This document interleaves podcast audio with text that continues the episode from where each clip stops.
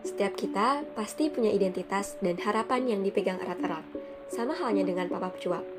Halo teman-teman semua, kami Papap Cuap, perkenalkan inilah identitas kami, beserta harapannya.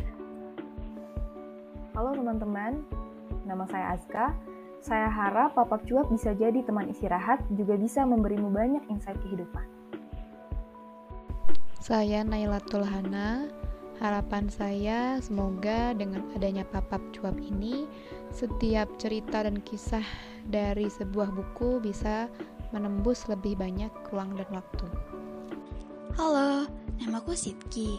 Harapanku buat papap cuap biar kami bisa mewakili buku-buku bercerita tentang apa saja dan menemani kamu setiap harinya.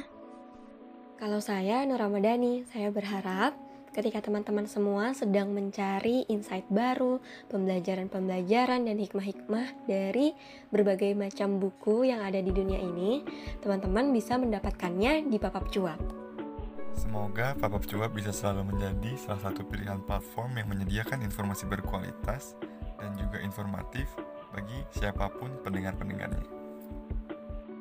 Terima kasih banyak teman-teman sudah mau berkenalan.